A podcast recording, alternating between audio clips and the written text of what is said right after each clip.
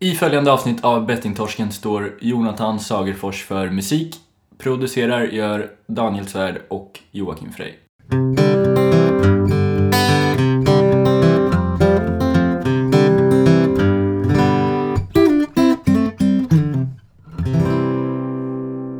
Hej och välkommen till Bettingtorsken avsnitt nummer 42. Tjena Daniel. Tjena Jocke. Hur står det till? Eh, ja, det är ju ganska bra. Nu blev jag rätt, rätt så trött alldeles nyss, men eh, jag jobbar på det. Och själv? Mm, jo. Ja. Men... Okej. Du har varit i skolan? Jag har varit det. Ja. Här har jag varit och eh, blivit, varit klassens clown. Mm. Som alltid. Mm. Kastat sudd och eh, hållit på. Ja, det är så kul vet för att eh, det är verkligen så här. eh, Så fort man kommer in i ett klassrum så är det en speciell känsla. Mm. Man är verkligen ett barn igen. Alltså verkligen så här. Ehm, man eh, testar gränser och eh, böjer lite på, på boxen. Eller så här, man vet ju att de följer liksom en viss ordning och så ska det vara. Och vissa så- gånger så kanske de glömmer bort att kanske informera ytterligare. Och då, då, då gillar jag att, att testa det här. Hur långt kan man gå i, i vissa saker? Det kan vara alltid från så uppgifter man ska göra, grupparbeten, till ehm, ja, små, små saker. Ja. Men har du fått skäll då, eller? Du... Nej, men jag, jag har ju inte varit där så. Ja, inte varit så länge. Det är bara en vecka. Men det, det, den ena läraren sa det att jag ser dig. Jag ser vad du gör. Jag vet, jag vet vad du håller på med. Jaha. Alltså lite komiskt liksom. Ja, det, det är alltid med, med glimten i ögat med saker. Men det är kul för man, man, man blir som ett barn. Och många av de som gör den här utbildningen nu eh, det är väldigt blandat nationalitet och åldrar och så här. Och det är kul för att man märker att det är några som hänkar på. Liksom. Så, som också gillar det här. Tycker det är kul. För vi vet att vi ska ändå vara ett år tillsammans så det är, man får roligt också. Mm. Ehm, Så det är faktiskt väldigt kul. Eh, Och framförallt också det här att man... ehm, Ja, att man lämnar, släpper kontrollen över saker. Att man bara helt, helt enkelt lär sig nya saker. Mm. Alltså så här, mm, berika sig med ny, med ny kunskap. Det känns När, när gick du i skola senast då? Alltså jag gjorde några, jag gjorde några kur, säljkurser för några år sedan. 2012 gjorde jag mm, eh, några kurser för en kamutbildning. Med retorik och lite andra delar. Eh, men innan det var det ju 2006. Nej, då gjorde jag militären. Eh, men innan det, Du borde ha gått ut gymnasiet 04 va? 05. 05? Ja, för 2006 gjorde jag lumpen sedan. Mm. 2005 ja. Så det är många, många år sedan. Eh, Men det är kul. Det är faktiskt väldigt kul. Mm. Och ganska enkelt än så länge. Men känner du liksom att din hjärna har eh, liksom ruttnat eller är- har den liv kvar i sig? Jo, jo. Pluggliv liksom. Kolla på mig, du vet ju. Fullt av liv. Ja. Ja. Eh, jo, nej men det är absolut. Det är, eh, det är ganska enkelt Mm. än så länge. Mm. Jag tror det är ganska mjuk start. Mm. Så att det, det, är- det är inte något avancerat än. Utan det är lite så små uppgifter och så här. Grupparbete och sånt man gör. Just Men ehm, hjärnan är igång. Ja, men det är intressant det där. Det är lite besläktat med det här klassfestsyndromet som vi snackade lite om för ett tag sedan. Att man blir, eh, om du träffar en, någon från din högstadieklass nu liksom, så kommer ni ta samma roller då. Mm. Du kanske också tar, du kanske hade den här lite clownrollen även när du gick i eh, grundskola. Eller så. Ja. Mm. Ja men det var ju så att man eh, gjorde ju gymnasiet alltid. Det var ju precis så att man klarade allting. Alltså precis Mm. godkänd i allt. Och Det var ju ändå... Det var lite stökigt också i gymnasiet. Jag bytte ju gymnasiet kan man säga. Eh, också för att eh, det funkade inte så bra för Mm. mig. Så jag... Eh, ja, jag höll på med... Jag, men jag orkade inte skolan bara. Mm. Och då kom jag in på den här praktiska linjen. I, i, i, för gymnasiet. Som man praktiserade tre gånger i veckan i tre år. Så det var ju det jag ville, behövde. Mm. Jag gillade inte att sitta där bakom bänken. Och när jag väl gjorde det, då var det ju mycket den här clown, ja. Alltså man skojade till det och gjorde Mm. annat än att kanske lära sig. Men man klarar sig alltid. Så. Det gör man. Du väl nog också en clown, kan jag tänka mig. Mm, jag var lite clownig på högstadiet. För då var vi ett gäng liksom som, som eh, höll på lite och tyckte det var kul att skoja och så här. Men gymnasiet, nej. Jag var inte heller särskilt intresserad av gymnasiet faktiskt. Dålig frå närvaro. Mm. Ja. Men eh, det är inte lätt eh, då när det blir, eh, man fyller 18 och man får gå på krogen och allt. Mm. Det är mycket roligare. Ja, Då är man ju jättetrött dagen efter. ja, just Så det. att, eh, nej. Ja. Ja, fina tider. Ehm, men eh, nu är vi ju ironiskt nog båda två i skolan. Ja, just Du- det. du Fast din- jag är eh, master. Ja, du är the teacher. Mm, ja. Ehm, just det. det. Det är ju en... eh, Det är ju en eh, speciell miljö man är i och det eh, finns ju mycket att utveckla fast man ska inte... Jag märker att skolan eh, har en förmåga att bryta ner folk ganska snabbt som har eh, utvecklingsambitionerna. Men jag kan tänka mig att det är annorlunda hos er. Att det är lite mera... Det är ändå folk valt frivilligt att... Ja, ex- så- ja, exakt. Det är också en intresse från, från alla sidor att vilja göra den här utbildningen. Så att det är Mm. inte... Och då blir det väl också mer... Alltså jag blir ju självklart mer seriöst också Men det är ändå så här, man märker ju att alla har ju, är ju ändå skojiga. Alltså folk vill ju ändå ha kul. Mm. Och... Och det är ju... Ja men det är ju det som gör det så unikt det här med klass, klasser liksom. Mm. Eh, Det är ju inte så att någon är där och inte vill vara där. Utan Mm. man är där och då har vi också roligt ihop. Mm. Så, men eh, ja, än så länge så är det faktiskt kul. Mm. Någonting annat nytt som har hänt i in your, in your life? Nej, eh, inte direkt. Eh, Vi var ju på föreningen igår, eh, Spelberoendes förening. Och eh, jag hade en eh, härlig grupp där faktiskt. Eh, I vårt, ja, en härlig grupp. Och många intressanta historier. Många liksom bra människor som jag fick sympati för och jag hoppas det går bra för. Och det är ju det tar ju mycket energi, som du var inne på igår, att vara där. Men det, jag tycker också att man varje gång går därifrån med en liten extra liksom, kämpaglöd. Sådär. Mm. Man får höra sex, sju, åtta stycken andra som har, har det tufft och kämpar och, eh, och sådär. Och det känns, jag får den här lagkänslan liksom, att man får ju göra det för sin egen skull men också för deras skull så att man kan komma dit och vara ett eh, bra exempel. Mm. Så att, eh, jag känner mig väldigt harmonisk idag, tror jag, tack vare att jag var där igår. Mm. Mm. Ja, det är viktigt att gå dit och att påminna sig själv eh, att eh, inte börja spela igen. Ja, men vi, eh, vi har ju något kul på gång här också. Så, En eh, gäst. då har vi. Och eh, det är inte vem som helst. När tog vi kontakt med den här eh, personen första gången? Ja, det var nog sagt ett år sedan. 2001? Jaha. Eh, nej, men det var en av de första gästerna vi hade på, på våra lappar som vi skrev ner. Mm. Eh, pionjär inom spelberoende, eh, kan man säga. Ja, verkligen. Eh, det är Jakob Jonsson vi snackar om alltså. Mm. Eh, han håller på Norrköping i fotboll. Ja, ska du avslöja det nu innan? Eh, men jag vet inte om det kommer med va? Jo. Gjorde det? Mm. Ja, då säger jag inget om det. Nej. Nej, får ni lyssna. Ja, Men det var ett jättehärligt samtal i alla fall. Vi spelade in redan nu i veckan så det är superfärskt det här avsnittet. Ehm, som en ugnsbakad pizza. Mm, glutenfri. Ja. Ehm, som sagt, han har varit med och forskat i och engagerat sig i spelberoendefrågan i 25 år. Alltså. Mm. Och ehm, eh, på egentligen alla områden. Både i mm, forskningen och i behandlingen och alla möjliga liksom, aspekter har han eh, bidragit. Så att, eh, ett suveränt samtal hade vi. Mm. Verkligen. Ska vi rulla in honom? Jajamän.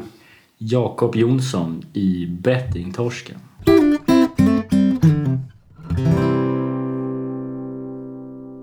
Ja, då är vi igång med avsnittet med Jakob Jonsson. Välkommen. Mm, tack så mycket. Är, är allting lugnt? Jo, tack. Ja, härligt. Hur känns det att vara i Göteborg? Bra. Ja. Snöigt, lite halt. Ja, Så. ja. okej. Tjena Jocke, Tjabba. hur står det till? Eh, jo, det är bra. Ja. Det är bra. Kommer nytränad från gymmet. Det är alltid så när man är här på Spelberoendeföreningen för då kan man ju gymma precis här nere. Ja, om man har ett gymkort. Om man har det. Nej. Eh, har du gymkort? Mm. Jag tror faktiskt det är gymmet som är där nere. Ja. Såg jag. Ja. Va- Var du också där nere och körde? Nej, Nej. inte då. Okej. För att vi ska inte nämna dem, i så fall får, får de ge oss massa miljoner först. Ja, just det. Ja. Hur är det med dig Daniel? Är det bra? Jo tack, det är bra. Förutom att precis innan jag skulle gå hemifrån och komma hit nu, då slutade min hjärna fungera precis innan jag skulle gå. Så då tog jag mina sommarsneakers. Ja, Och så jag är lite blöt. Ja. Men ah, det är lugnt. Eh, ja, eh, Jakob, vem är du? Eh, ja, i de här sammanhangen är jag väl en psykolog som hållit på väldigt länge med spelberoende. Mm. Så lite, ja, det är väl 25 år jag har hållit på på olika sätt. Ja. Så att arbeta med det. Eh, annars är jag trebarnspappa boende i Bagarmossen, Stockholm. Mm, okej. Eh, och eh, bredvid det här med att du jobbar med spelberoende då, och de frågorna, har du några intressen som sticker ut som du pysslar med? Eh, ja, idrott överhuvudtaget. Jag har hållit på mycket med innebandy, friidrott, Mm. fotboll både som aktiv och som tränare. Så. Ja. Det som sticker ut är möjligtvis bordshockey, alltså hockeyspel. Okej, du är vass där. Nej, hyfsad är jag väl. Eh, Ja. och så samlar jag också på hockeyspel. Så att det är både ja. Alltså, Alltså sån stiga? ja, Stiga eller Pola eller Aristos gamla spel och sånt där. jag trodde Stiga hade monopol på Ja, dem. de har faktiskt skapat sig monopol. Ja. På tävlingssidan så är det Stiga som är Okej, ja. ja. Så det var nog det roligaste jag visste när jag Ja, det var liten. kul. Det Mm. bordhockey. Det Det gör man inte så mycket Det längre. är väldigt svårt alltså, tycker jag. Ja. Avancerat. Ja. Eh, jag tänkte höra Jakob, du har ju en väldigt bred och du har ju kunskap genom många år inom spelberoende. Så jag tänkte bara ställa frågan varför eh, spelar man? Det liksom enkla svaret är ju att det är belönande. Eh, att man får ut någonting som är bra för en av det. På kort sikt. Vi styrs ju ofta av grejer som händer på kort sikt snarare än de långsiktiga konsekvenserna. Så då. Och det där bra som kan hända kan ju vara att vi upplever spänning eller att vi vinner. Eh, men det kan också vara att det förändrar våra känslor. Så, alltså från att känna sig låg, ledsen eller splittad eller vad det nu kan vara. Så när vi spelar så får vi fokus på någonting och som vi går upp i och som skapar drömmar och sådär. Det där också kan vara att, att man att man inte känner saker är också väldigt belönande. Alltså att om man slutar känna sig ledsen eller låg och sånt där så är det jäkligt belönande. Rent psykologiskt. Så. Det kan vara både att vi får bra grejer som vi upplever på kort sikt eller att vi slipper jobbiga grejer. Okej. Det, låter, det låter nästan lite som att spel kan vara som ett substitut för kanske antidepressiva mediciner och sånt, att man hittar en, en eh, Alltså, bra på- nivå. Nej, det tror jag inte. Eh, för att det, det, det är en väldigt farlig och dålig medicin i sådana fall. Mm. Så, alltså det, i- Ja, jag menar inte att man ska spela, nej, utan att- Men, men man kan använda på det sättet, Mm. ja. Visst kan man göra det. Eh, Och det tycker jag utav mina patienter så är det många som är nedstämda, låga, deprimerade och ganska ofta utan att veta om det eller förstå det själva. Mm. Ja. Och det är inte säkert att du har varit det från början, utan det kan också blivit under resans gång av ditt spelande. Så. Mm. Jag tänkte så här, men du, hur, hur, vad gör du idag? Alltså du jobbar aktivt med, med behandling? Alltså, eller är du, du forskar du i det? Eller hur? Mm. Jag kan säga jag gör tre olika saker. Eh, en är att jag jobbar på ett eh, företag som heter Sustainable Interaction som förut hette Spelinstitutet. Och vi arbetar med stora delar av den reglerade spelmarknaden och, och eh, jobbar förebyggande. Alltså försöker förebygga spelproblem. Och det är väl lite utifrån tanken liksom att ska man förebygga spelproblem ska man vara där spelarna är. Och det kan vara allt ifrån utbildning av personal, spelarna spela med själva, självtest. Eh, vi jobbar också med att, att titta på spelvanor och varna i tid förhoppningsvis och så vidare. Men det här är, det är ju en del som möjligtvis kan förebygga spelproblem, så som vi hoppas förebygga spelproblem. Eh, En annan del är att jag forskar, har ingått i, de stora prevalensundersökningarna som funnits i Sverige. Alltså när man har tittat på hur många har problem med spelande. Och den första var 97-98 gjorde vi den. Eh, Och den var viktig på det sättet. Då fick man äntligen någon slags siffra på hur många har problem med spel. För innan dess sa man att vi är osäkra på om det här finns i Sverige. Eller finns det, det är ju en amerikansk forskning ni hänvisar till och sådär. Så att, eh, och så fick vi i alla fall en siffra. De, en del tyckte att den var överdriven, andra tycker att det är många fler än så som har problem. Men vi började i alla fall säga att ja, det finns folk som har problem, det finns folk som behöver hjälp. Så. Eh, och den tredje delen som är, väl ligger mig närmast om hjärtat, det är som behandlare. Alltså som psykolog där jag träffar spelberoende personer och deras anhöriga tillsammans och ibland var för sig. Eh, sen har jag också en roll i Spelberoendes riksförbund som internrevisor. Så, och även på Stockholmsföreningen. Så jag finns på lite olika håll i den här världen. Mm. Du, överallt helt enkelt. Många bollar i luften. Eh, när du ändå är inne på rapporter och så här, när man läser lite om dig så kommer det nämns på lite olika ställen en ganska stor forskningsrapport som släpptes 2003. Mm. Eh, jag vet inte om du direkt vet vilken. Jag, jag Vad som menar- kännetecknar personer med spelproblem, kan det vara den? Eh, säkert. Ja. Jag är inte helt säker själv. Men det jag var mest intresserad av i den är att det är ju liksom 15 år sedan och så här, det känns som det händer mycket. Eh, Kan man använda sig av den liksom idag eller blir den eh, med tiden liksom ogiltig? Eller så här? Jag tror att all forskning åldras ju. Mm. Eh, Så kikar vi på den tiden så, det här är ju innan eh, internetspel kom igång. Mm. Eh, Den börjar komma, jag kommer ihåg att vi, vi frågade om det. Mm. Och sådär utav så här, 7000 pers vi får tag på så var det tre som spelade på nätet 97-98. Okej. Eh, sådär. Och sen när vi gjorde en uppföljning då, det var det jag skrev om 2003, då var det fler som hade börjat spela på nätet. Mm. Så. Sen, men för att göra det lite mer aktuellt så gjorde jag faktiskt en 11-årsuppföljning utav de här. Okej. Eh, Så de som vi hade liksom... Vi, hade, vi åkte runt i landet och intervjuade folk. Hälften var, hade problem med någon utsträckning och hälften var liksom så matchade kontroller. De skulle vara likt den som hade spelproblem med kön, ålder och var han bodde någonstans men inte har problem. Eh, Och när vi gjorde den uppföljningen så såg vi att en, en väldigt stor andel av de som hade haft spelproblem för 11 år sedan spelade. Så 90% spelade. Men det var en tredjedel som hade problem. Okej. Eh, Så, så att det var... eh, Men spelar du snabba spelformer så var det ohyggligt mycket större sannolikhet att du hade spelproblem. Mm. Så, vilket förstås väcker den här tanken, ja, men kan man spela kontrollerat och så vidare? Och mitt svar på det, har man haft allvarliga problem så bör man, i, då bör man undvika spel. Mm. Det, är- det är att riskera för mycket att göra det. För alltid, så att säga. Ja, jag tror att det, det blir som en slags bakdörr kring hur du hanterar problem och svårigheter i livet. Och bakom den bakdörren så, så är det väl ganska brant utför. Mm. Eh, Så, så att det, det bör man undvika. Mm. Och, och det finns förstås ett anhörigperspektiv på det också. Så. Men annat, andra saker i livet måste bli viktigare. Det där, eh, där pratade vi om för inte så länge sedan i intervjun med eh, eh, ATG. Eh, Annika Strand. Annika Strand, tack. Eh, då ifrågasatte jag de här avstängningsmetoderna, eller inte metoderna. Perioderna, eller perioderna. Ja, för att eh, just med tanke på det du säger att, att har man haft allvarliga problem så, så ska man inte hålla på med det. Liksom. Och, men då är det många som man kan stänga av sig i tre år eller ett år. Eller så.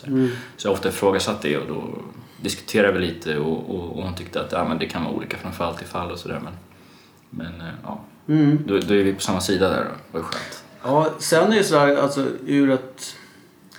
Om man tänker ett kundperspektiv eller också om du börjar få problem så är det vanligt att man... Om, de två alternativen är att spela vidare som förr eller stänga av sig för all framtid. Då är det, ett, det är en jättetröskel. Så därför är en poäng tänker jag att man har olika tidpunkter som man får välja. Och, sådär. och sen är det så att man börjar spela igen och det går åt helvete, vilket det gör med stor sannolikhet, eh, då, då tänker jag att då då har man möjligheten att stänga av sig på lång tid eller för, möjligtvis för alltid. Så. Mm. Eh, Men jag, tänk, jag tänker ändå att det är viktigt att man har olika... Eh, att du kan stänga av det kortare eller längre tid. Ja, men precis. Men att alternativen finns ja. Ja, precis. det är det. Du- ja. Vi pratade tidigare också om det här, eh, vad heter sustainable interaction. Ja, Ja. företaget jag jobbar. Och det är förebyggande för spel... Alltså att ni... Ja, vi jobbar i huvudsak med spel och spelberoende. Vi jobbar en del med hot och våld också sedan ett par år tillbaka. Men hur, hur före, förebygger man just att folk ska hamna i spelberoende? Ja, Det är ju, jag är inblandad i ett projekt just nu på Norsk Tipping. Mm. eh, Där man ringer upp sina storförlorare. Och det är ungefär så att Hej, jag ringer upp dig för att just nu har vi en kampanj där vi ringer upp de som har förlorat mest pengar förra året. Du är en av dem. Har du tid en stund? Ja. Eh, Och sen ställer man frågan, vet du om hur mycket jag har förlorat senaste året? Så. Eh, och med de samtalen har man fått ner folks spelande. Så här. Eh, och det är inte så här att de största förlorarna på Norsk Tipping allihopa skulle vara spelberoende. Och det vet vi väldigt lite om hur det ser ut. Men vi vet att däribland hittar vi många som har spelproblem förstås. Så det är ett exempel på hur man försöker förebygga. Att få folk medvetna om hur det går för dem. Och det är också där att, att man är rätt dålig på att veta hur mycket man har förlorat. Alltså det är allt ifrån man tror att det är 50% om man verkligen har förlorat ner till kanske 10-20% när man är som sämst. Och det känner jag igen från mina patienter också. Att, att man har inte koll. Det, det, är, det är så kaosartat på ett sätt. Men det är också så att man minns vinster och man glömmer förluster. Så, så att när man försöker summera i huvudet så, så stämmer det inte. Och det att inse hur saker och ting ligger till kan vara och är ofta motiverande. Så det är ett exempel på hur vi försöker jobba förebyggande. Så. Sen är det också eh, det där är ett exempel på en slags en aktiv åtgärd från spelbolagets sida. Och det börjar komma lite sådana. Annars har man haft en ganska passiv approach. Att när folk ber om hjälp, då ska vi vara beredda. Så. Här är mer att, att, att, att man agerar på ett annat sätt. Och ser man på vad man gör på kasinot. Man kan ha många synpunkter på våra kasinon i, i Sverige. Eh, men vi har politiskt ändå kommit fram till att vi ska ha dem. Så har man samtal med folk. Och många samtal är bara liksom kolla läget för att skapa en kontakt för att sen börja prata. Sådär. Eh, Så att det är ett annat exempel på förebyggande arbete. Men överhuvudtaget att, att personalen på ett spelbolag eller kasino vet om att man kan ha problem och vilka signaler man ska titta på och vad man ska göra. Det är ett annat exempel. Ja, vi har hört lite bra historier om just kasinorna, att de faktiskt har hjälpt folk aktivt och ja, kastat ut dem. Liksom. Fysiska kasinon. Ja, precis. Exakt. Men de verkar ju vara inno- innovativa i Norge tycker jag. Det verkar som på ett annat sätt än i Sverige att förebygga de här. Dels att de har ju Norsk Tipping sina över gränser. Och- Och det här var ju en kul grej med samtalen. Hade du hört om det? Nej, det är nytt. Ja, det, är, det som är annorlunda med Norge det är att man allmänt sett är mer negativ till spel. Mm. Ja, det finns, ägaren till Norsk Tipping, som är norska staten, är mycket tuffare och har en tydligare politisk agenda. Mm. Så man väljer också i Norge att, att som det ser ut behålla det vi i Sverige skulle kalla för monopolet. Alltså att man har ett fåtal statligt reglerade eller ägda aktörer som, som, som driver marknaden. Så. Eh, Men det är relativt stor skillnad på det sättet. Sen ska man veta att i världen så skulle jag säga att Norden är bäst. Alltså nordiska länderna sticker ut om vi åker på en forskningskonferens i vad vi är beredda att göra. Vi har reglerat spel som en annan viktig spelansvarsåtgärd. Så, och, och vi har en hel del liksom regleringar och, och spelbolagen är förhållandevis aktiva. Så där. På många andra ställen så säger de så här, "Men det där skulle inte funka i vårt land. Vad säger de då? Eh, Varför det? Att man- folk skulle inte acceptera registrerat spel, man skulle inte acceptera att man ringde upp och så vidare. Men det sagt ska jag säga att jag trodde innan sådär att, att vi ringde upp att folk skulle bli förbannade. Mm. Varför ringer ni för nu? Liksom sådär. Och det är nästan ingen som blir förbannad. Alltså det är någon procent. Har vi liksom ringt tusen pers så är det tio personer som har varit arga. Resten är liksom glada och nöjda att vi ringer. Men just att det är så en enkel åtgärd och det känns som att spelbolagen är väldigt rädda för det här. Eller att det är något de skyddar sig med. Att nej, men folk blir rädda för att ringa upp. Eh, Men det, det Norsk Tipping gör det är att de ringer sin VIP-lista. Mm. med ett annat budskap. Så, det är en jäkla skillnad om man, om man jämför med ett vanligt så att säga, Malta-baserat bolag. Mm. De gör ju helt andra saker med sina största förlorare. Det är de viktigaste kunderna. Ja, exakt. Eh, Du har ju haft en eh, privatpraktik också. Eller den kanske finns kvar? Alltså, det är som behandlare jag jobbar med, med patienter inom ramen för Sustainable Interaction. Okej, Ja. och, och det gör du fortfarande? Ja. Okej, aha. Eh, vill du berätta lite om mer ingående om just den? vad Alltså- som händer där? Liksom? Ja, eh, första del är, är oftast försöka liksom kartlägga. Hur ser problemen ut? Och samtidigt också försöka höja motivationen. Mm. För att även om det så att det ser ohyggligt eländigt ut, det är en massa negativa konsekvenser så är man ofta ambivalent. Man både vill och inte vill sluta. Så att det här med motivation är en jätteviktig del. Eh, Sen försöker jag ägna rätt mycket tid och kraft åt både kartläggning och sen det fundera över vilken funktion, eller vilka funktioner rättare sagt, fyller spelandet. Vad gör de med dig? Vad, vad, vad får du ut för grejer? Jag pratar relativt mycket om de bra sakerna spelandet gör. Mm. För att tittar man inte på dem så är det svårt att ersätta dem. Mm. Eh, Och med det sagt så är det sådär att de här bra sakerna är ju... Alltså, spel är ju, en- skapar ju starka upplevelser.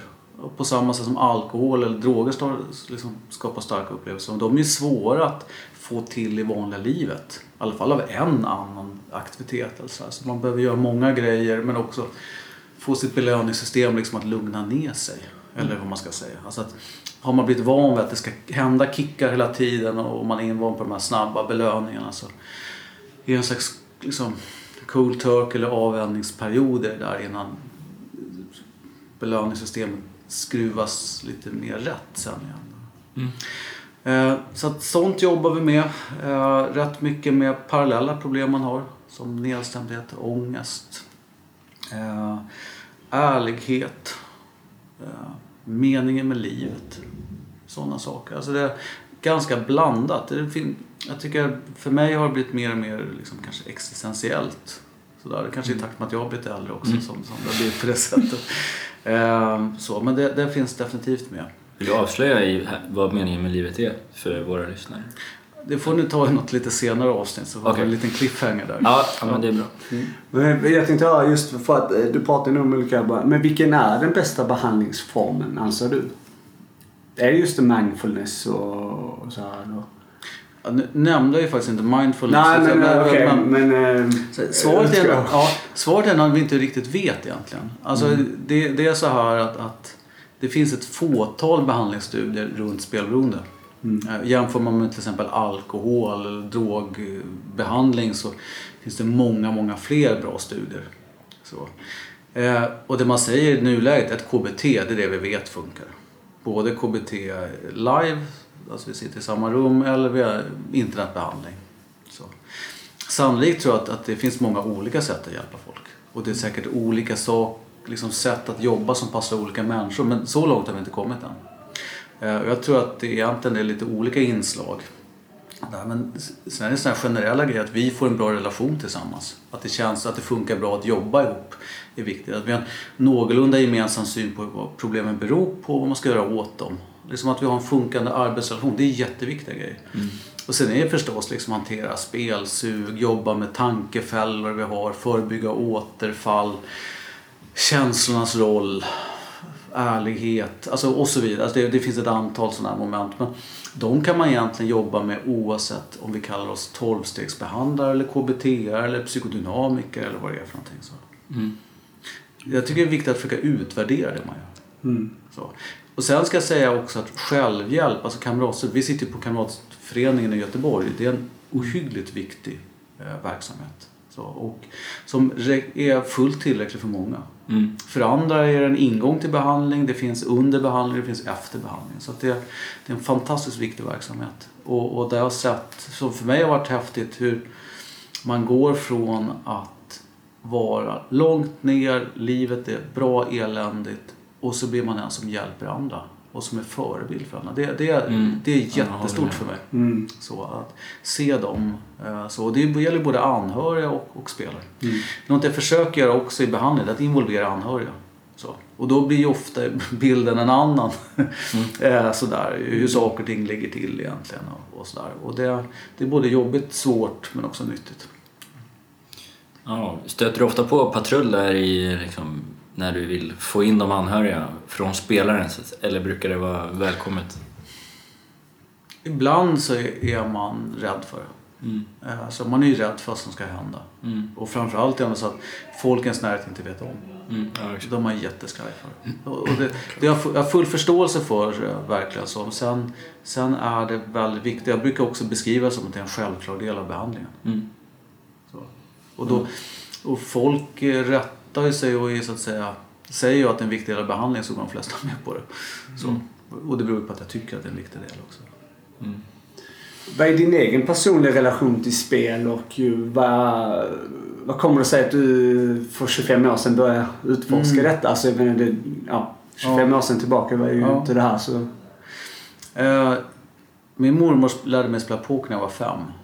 Uh, så, så jag är uppvuxen med en kortlek i handen. Uh, och Eh, eh, eftersom jag har hållit på med idrott hela mitt liv så har det också varit integrerat. Alltså i lagen jag spelat i så har det spelats mycket.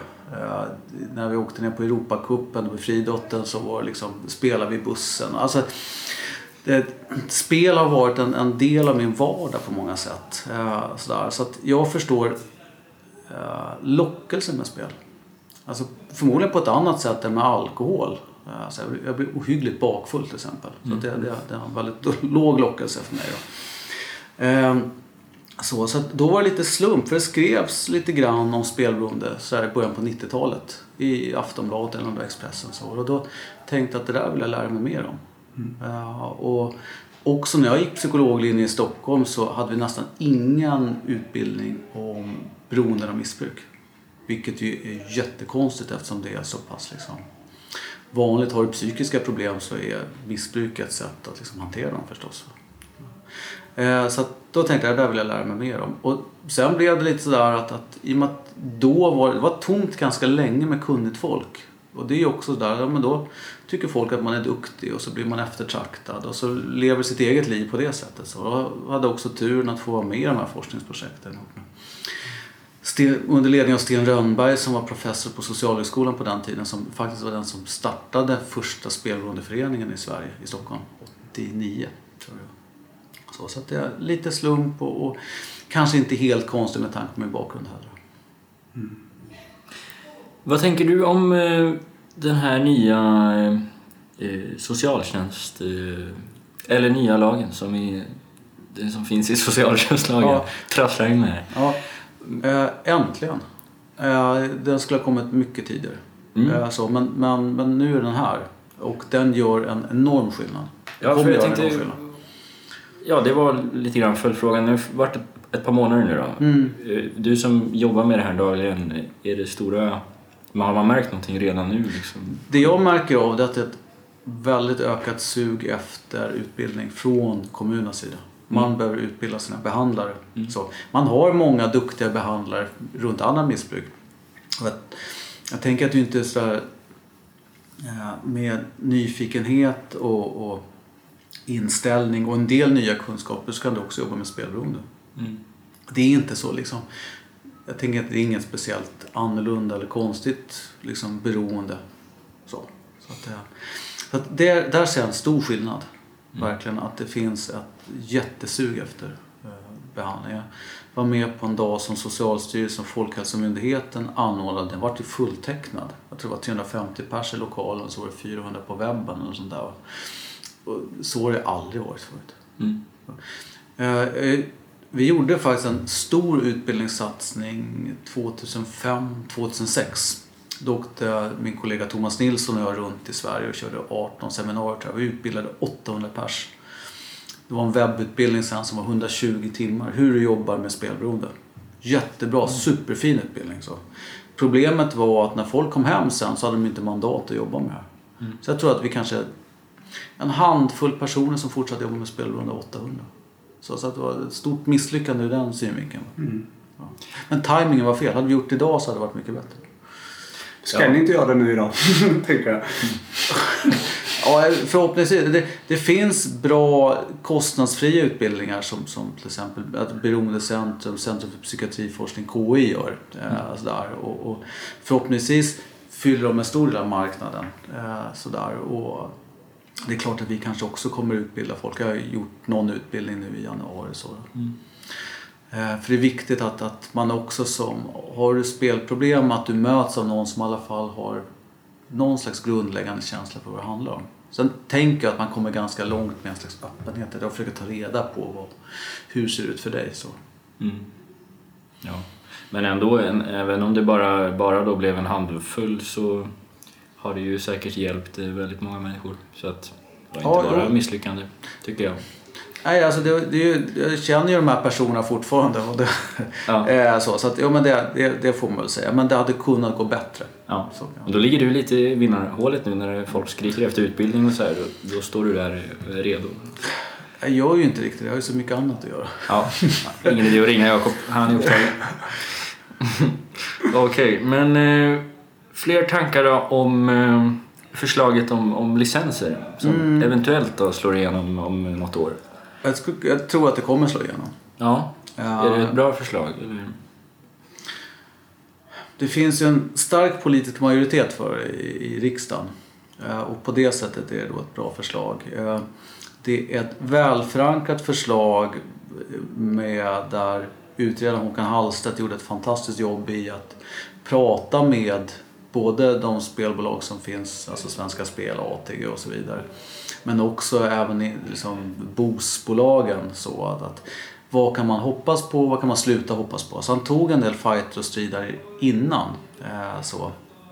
Jag tror att det är en ganska hållbar den reglering som är. Eh, det som är bra med den är att det finns en del, hel del saker på, på ansvarssidan. Att du kan stänga av det från alla bolag på ett enkelt sätt. Så då. Ja. Det finns också en omsorgsplikt som inte är helt tydlig men ska ha en omsorg om, om kunden. Så då.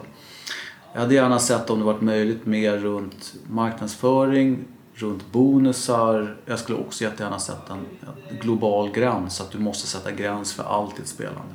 Som du är så att säga ansluten till. Man hade kunnat gå längre i, i mina ögon. Sen är det en slags pragmatisk liksom, lösning av en befintlig situation. Vi, Sverige är ganska liksom, avreglerat i praktiken. Och sen får vi se vad som händer med marknadsföringen. Om den fortsätter öka eller om den lugnar ner sig. eller vad det ser ut. Alltså, tittar man på det anseende spelbolagen har i Sverige så har man ju väldigt lågt anseende. Folk är ju jättetrötta på den här reklamen som pumpas ut. Och ganska mycket dålig eh, eh, reklam som är inte så våldsamt fantasifull måste jag säga. Eh, så det... Jag tycker det är svårt att veta om det, om det är bra eller dåligt. Jag ingick i, i någon referensgrupp till den här utredningen. Så, och, ja, så, så jag har följt den sådär. Men, men det, det är där man har landat. Och det är så det sannolikt kommer bli också. Mm. Så det är klart att forskarna i mig också kan vara intresserade av hur kommer det se ut i Norge där man fortsätter att ha en, en monopolmarknad. Och i Finland där man har samma, också en monopolmarknad jämfört med Sverige och Danmark då som väljer en annan Okej. Ehm, Jag är lite nyfiken på, du nämnde ju att man blir avstängd på alla bolag om man stänger av sig på ett då, om det här går igenom. Vet hur det funkar om, om jag stänger av mig, för den tycker jag är väldigt bra. Det snackas ju mycket här på till exempel möten på föreningen att det är liksom ett heltidsjobb att stänga av sig hela tiden. Men om jag stänger av mig idag från alla eh, och då kanske det finns tio nya bolag om, om ett halvår. Blir jag, är jag avstängd från dem också då? Det är ju så här att, att man måste ju söka en licens. De bolagen byter ju att de får betala högre skatt Mm. mot en slags trygghet gentemot aktieägare. Att de eh, faktiskt är lagliga på den marknaden de verkar. så då. Eh, Alla bolag kommer inte söka den licensen. Mm. Det kommer fortfarande segla piratskepp utanför. Det kommer komma många nya piratskepp. Mm. Det kommer sjunka piratskepp och det kommer komma många nya. Så att det kommer fortfarande finnas möjligheter att spela. Mm. Så, så kommer det vara. Men Det kommer nästan en tydlig stämpel där, typ att vi är godkända. Ja, de andra är pirater. Ja, det kommer vara, alltså, det kommer vara tydligt med vilka som har licens. Sen tror jag inte piraten är, hissar sin piratflagg Sådär jättetydligt. Eh, det men- vore men- dumt av dem. Ja, jo, det, det jag tror det. Eh, ja, nej men givet då att man är, ingår i licensgänget så Ja. då är jag avstängd från då, framtida Ja, ja. bolag också. Eh, Sannolikt. Ja, Ja. det är man nog. Det, ja, det är bra. Det är bra. tycker jag. Ja. Eh, Okej, härligt. Hur, hur alltså, så här, jobbmässigt för dig, hur ser din eh, liksom, framtid ut? Ska du fortsätta med det du gör nu eh, många år till eller har du eh, nya grejer på gång? Jag kommer nog vara kvar på, på Sustainable Interaction. Så, så tänker jag. Jag ska försöka bli färdig med min, min doktorsavhandling någon gång.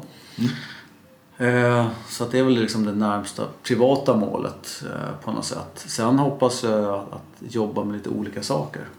Så, alltså i, runt spel och spelberoende. Med nya projekt. Jag tror Norsk Tipping-projektet var fantastiskt roligt. Eh, så. Sen är det också där att, att varje ny patient jag möter är också ett, alltså det, det är något nytt varje gång. Jag får ibland frågan, liksom, är det inte tråkigt att jobba med bara träffa spelberoende och deras anhöriga hela tiden? Jag tycker att, ja man har ju spelberoende gemensamt men det är olika människor. Så, så att jag, det har jag inga problem med alls. Så att det, tvärtom tycker jag.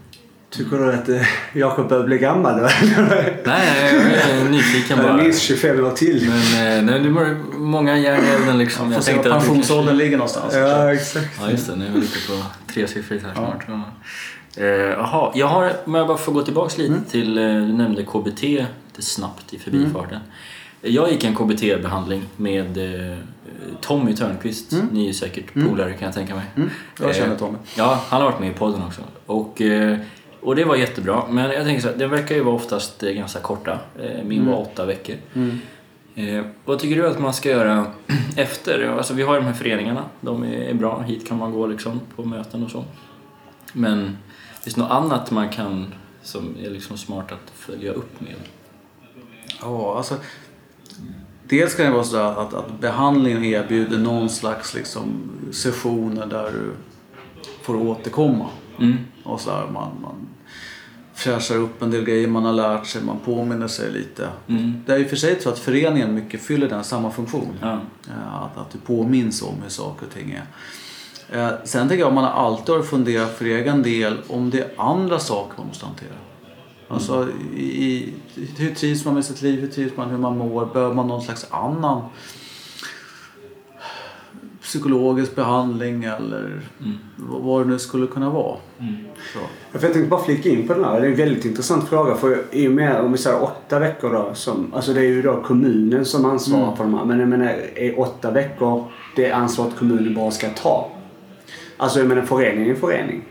Så det är ju egentligen, det är inte, alltså ja. Om du förstår. Ja, eh, det, det är knappast så att, att alla som har problem med spel behöver exakt åtta veckor. Nej, det, exakt. det, det vet vi med säkerhet, det, det är inte sant. Nej. Eh, Så därför om det är så, tänker jag att om du fortfarande har problem med spel så är kommunen fortfarande ett ansvar. Mm. Så, alltså att det, och man brukar prata om en slags behandlingstrappa med olika, liksom, olika intensiv behandling. Eh, Och där tror jag att det är snarast att vi är i början här som gör att vi har som vi har ett, det här åtta veckors steget är det som är. Där. För många år sedan när jag började då var ju behandlingshem första valet ofta. Och det är ju ett steg, alltså ett omfattande steg att du är borta två, tre månader eller vad det kan vara. Eh, Det jag tycker saknas i Sverige det är ett korttidsbehandlingshem. Alltså ett ställe du kan åka till sju dagar, tio dagar, alltså intensivt och jobba med det och sen ha eftervård. Har man i Danmark eh, goda erfarenheter av. Typ att- stoppa blödningen liksom. Och sen, Ja, ett riktigt break så att säga och och jobba intensivt med det. Men sen fortsättningen är jätteviktig. Ja, för just att det är ju den akuta Mm. eh, delen liksom. Och eh, sen är ju eftervården. Alltså Mm. det är ju, den är ju minst lika viktig i ansvars... Eh, Ja. Och när vi pratar om det här, också kommunernas ansvar och så där, så är det ju anhöriga får man inte glömma bort. Eh, De, de bör ju också involveras, också erbjudas egen hjälp om det skulle behövas. Mm. Vilket ofta, ofta men inte alltid gör. ja, utmaningar.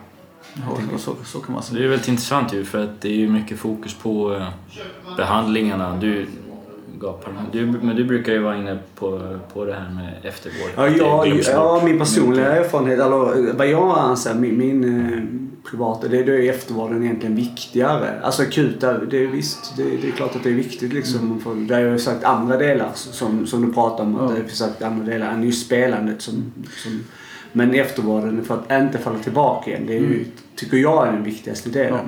Eh, Ska man vara lite raljerande så här kan man säga att, att sluta spela är inte så jättesvårt. Nej. Det är det här att inte börja igen Mm. eh, som, är, som är riktigt eh, svåra sådär. Och det prövas ju först efter ett tag. Alltså där, och är det så här att du fortsätter som, du slutar spela men i övrigt fortsätter som förut. Precis likadant. Så enda skillnaden är att du slutar spela. Det brukar gå dåligt. Mm. Så. Men det håller ett tag och sen faller man tillbaka. För de har inte gjort de förändringar man behöver göra. Man måste förändra många saker tänker jag i ens liv. Så här, när, när det blir på det där sättet. Ja, för det märker man också just på föreningen så att folk kommer ju tillbaka igen liksom och Ja. har tagit ett återfall eh, för att de inte har påmint sig själv. eh, Mm. Liksom, och, och just hålla på med eftervård. Mm. Ja, det är ju det är ansvaret för kommunen liksom hur, alltså det den här Och sen, är, och sen är det klart att det, det är också ett delat ansvar. Alltså, sjukvården har ju sitt ansvar. Och, och är det så att man har mer uttalat liksom, psykiska problem eller, alltså, vi vet ju också att det är väldigt, väldigt vanligt med självmordstankar. Mm. Eh, Vi vet att det är vanligt med, inte lika vanligt, men självmordsförsök och, och det är ett spelberoende är ju en, det är överrepresentation av folk som tar livet av sig. Så det är det är ett Men det är överrepresentation i förhållande till andra beroenden då? Eller? Ja, alltså ja, många, bara- an, många andra psykiska problem, sjukdomar. Ja, okej. så det vi kallar för psykiska sjukdomar, så, så finns det en överrepresentation. Så det, är ett, det, är ett, det är fullt allvar. Det är ingen lek alls i det. Utan det och, och då tänker jag, där kan psykiatrin spela en roll. Sådär. Och, och sen beror det här på, hur funkar psykiatrin när man bor? Hur funkar kommun och socialtjänst där man bor? Så, och hoppas vi att, att, det, att det funkar väl. Så. Det är så intressant att höra detta för att jag har pratat om det tidigare. Alltså just det här med självmords... eh, Alltså Mm. någon som har begått självmord på grund av spelberoende och man inte riktigt vet. Man kanske kollat efteråt att Mm. oj jättemånga skulder och så kollar man banken så ser man då. Mm. Men just att det, det snackas inte så mycket om det just. eh, Så, det är intressant att höra det. Ja, Det pratas det inte så mycket om och det som inte heller pratas så mycket om det är ju våld. Ja. Alltså det är också en ordentlig överrepresentation utav våld i relationer där det finns, när en av parterna är spelberoende. Är det dessutom så att man har problem med alkohol, vilket är vanligt, så, så är det ännu mer vanligt. Och, och det här är ett, alltså, finns ju många aspekter på våld sådär och, och, och så. Men, men en aspekt är att det har med makt att göra. Att jag kan fortsätta göra som jag gör genom att jag utövar makt över dig. Genom att slå eller hota slå eller utöva min makt på andra sätt. Så, att där, där finns jättemycket att göra. Det, det är ju ett eh, svårt ämne att prata om. Så. Och det är också ett svårt ämne att fråga anhöriga om. Det är knappast så att vi sitter tillsammans och frågar slår du din fru eller slår han dig? Eller, alltså, där. Men det är ibland också faktiskt så att det är anhöriga som slår den med spelproblem. Ja. Det, det finns åt båda hållen. Så. Men så att det där är någonting som ju också man behöver kika på i, i behandling. Så att, att det får Ja, man inte heller glömma bort. Så. Det finns många olika åsikter om eh, ord eller begreppet kanske beroende person. Skulle Mm. du säga att eh, kan man, finns det eller är man eh, snarare präglad av miljö och uppväxt och sådär? Hade det varit Sten Rönnberg som hade suttit här då hade han fnyst när här runt personlighet. Han betonade inlärning, han betonade miljöns betydelse och så vidare. Jag tror förstås att det, det finns en del av oss har större risk att bli beroende. Mm. Så det vi har inte lika liten eller stor risk utan det beror på biologi det beror på erfarenheter, uppväxt, bristande omhändertagande. Sådana saker. Ehm, och det kan också vara neuropsykiatriska grejer som, som eh, ADHD eller andra, andra tillstånd. Så, eller vad man nu ska kalla det. Så, så att jag använder mig inte av beroendepersonlighet som, som begrepp. Jag vet att det finns inriktningar som gör det och tycker att det är verkningsfullt och meningsfullt och det är också de som är så att säga patienter eller klienter som också uppfattar det som meningsfullt. Så, så att, det- men jag betonar nog mer funktionen, miljöns betydelse. Så. Mm. Okej. Ja, det tycker jag är spännande för att man kan ju ofta tänka sådär, eller jag tänker ofta så om mig själv, just det här beroende person Mm. jag tittar på min egen historia och sådär men det är ju, ja, Men det är också det här med normalisering. Liksom växer man upp i en familj när man är ung med, med spel. Mm. Spel är en vanlig eh, sak i sin, i sin uppväxt och tävling. Som mm. på. Det är stora kopplingar mellan just ja, idrott och spel också. Man märker att det är överrepresenterat av folk som hamnar i spelberoende. Det är många som spelar i, i just idrottsrörelsen och så. Men, ehm, så visst, ja, men sen tror jag också det här med beroende person. Är man beroende person så faller man, kan man falla, eller byta beroende. Ja, alltså det, det är så att man ska ju verkligen se upp. Alltså, eh, tittar man på det här med, med, har du haft spelproblem någon gång i livet så är det ungefär hälften som också har allvarliga alkoholproblem någon gång i livet. mm, Och de oddsen är bedrövliga på ett sätt. Så det är klart det finns alla anledningar att fundera på hur man... Har du problem med spel, eller haft problem med spel så bör du vara väldigt försiktig med alkohol.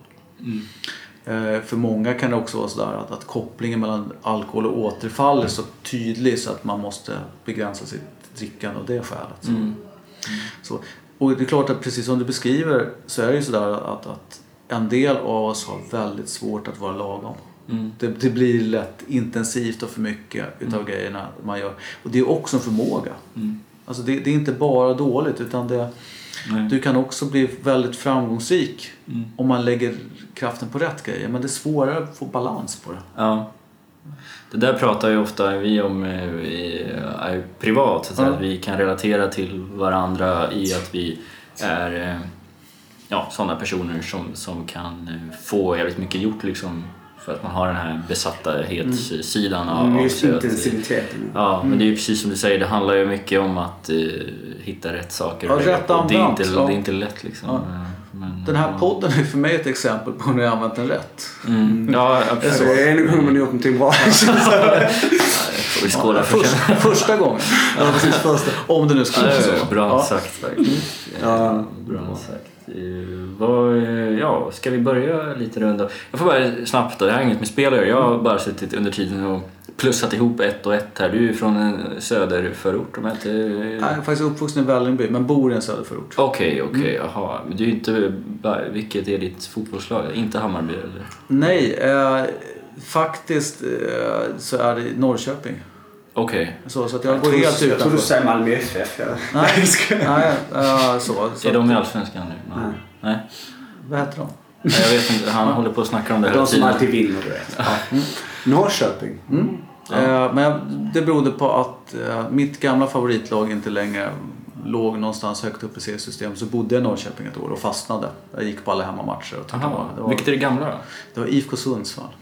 Jaha. Du, har, du bara vägrar köra Ja, Stockholms ja, jag har en, en princip och det är väl det. Okej. Ja. Nej, men alltså... Jag ville bara få in det för att jag, jag försöker nämna Nanne Bergstrand så ofta det går i podden. Det är min husgud liksom. Och då vill jag hitta... Men ja, ja. finns ingen koppling alls. Då släpper vi det. Ja, Men, det- det gick väl sådär i Hammarby för honom också. Men det, Han kanske varit och kört i Norrköping. Nej men alltså vänta nu, sådär alltså. De hade varit i Superettan fem år och sen bara kom han dit och, och lyfte upp dem. Jag ja, tycker nog det... ja, det, ja, det räckte Ja. en bit så. Ja. Vi brukar kalla det här fotbollspodden också. Ja, Ja, Så, det är mycket fotboll. Mm. Nej men eh, jag var inne lite på framtiden förut men mer generellt din närmsta framtid här. Vad, har- du några, några planer du vill dela med dig av? Något kul som händer? Eh, Kan vara både privat och vad du, vad du känner. Ja. Eh, det jag ser fram emot är dels SM i Lund i maj. Och S- sen EM i Eskilstuna i juni i bordshockey. Okej, ska du delta? Ja, visst. Jaha. Är, är du högt rankad? Alltså? Nej, Nej. topp 100. Ja, men det är något. Ja. Bättre än mig i alla fall. Förmodligen. För, har du mött någon gotlänning någon gång i, i bordshockey? Nej, men jag har hört talas om någon gotlänning. Ja, för jag, jag, gick på, jag hade en fritidsledare. Jag bodde på Gotland några år i mina tidiga år. Och då hade vi en gubbe, Göte, som var en, eh, en jävel alltså på bordshockey. Ja. Mm, jag får kolla upp. Eh, och så sista frågan här. Har du någonting att rekommendera oss i livet generellt? Det behöver inte handla om spel eller bara en sån rekommendation. Ja, eh, utan tvivel är man inte klok. Det är Tage Danielssons ord. Så. Eh, och det gäller ju, tänker jag, när vi pratar om behandlingsformer som lovar allt. Och där, eller kan ju förstås också vara spelbolag som lovar allt. Med stor säkerhet så är det inte sant. Va? Mm. Eh, sådär. Alltså att det, allt har sina begränsningar, även behandlingar. Så. Eh, och det, det har man alltid att komma ihåg. Det, det är inte det slutgiltiga svaret, den här åtta gångers behandling. Den är, väl, den är ohyggligt bra att den finns där. Så, men, men vi kommer behöva mer och en mer liksom facetterad eh, behandlingstrappa. Så. Mm. All right. Du, eh, ja, verkligen. Superstort tack för att du ställde upp här i, i podden. Mm, och tack för att jag fick vara med.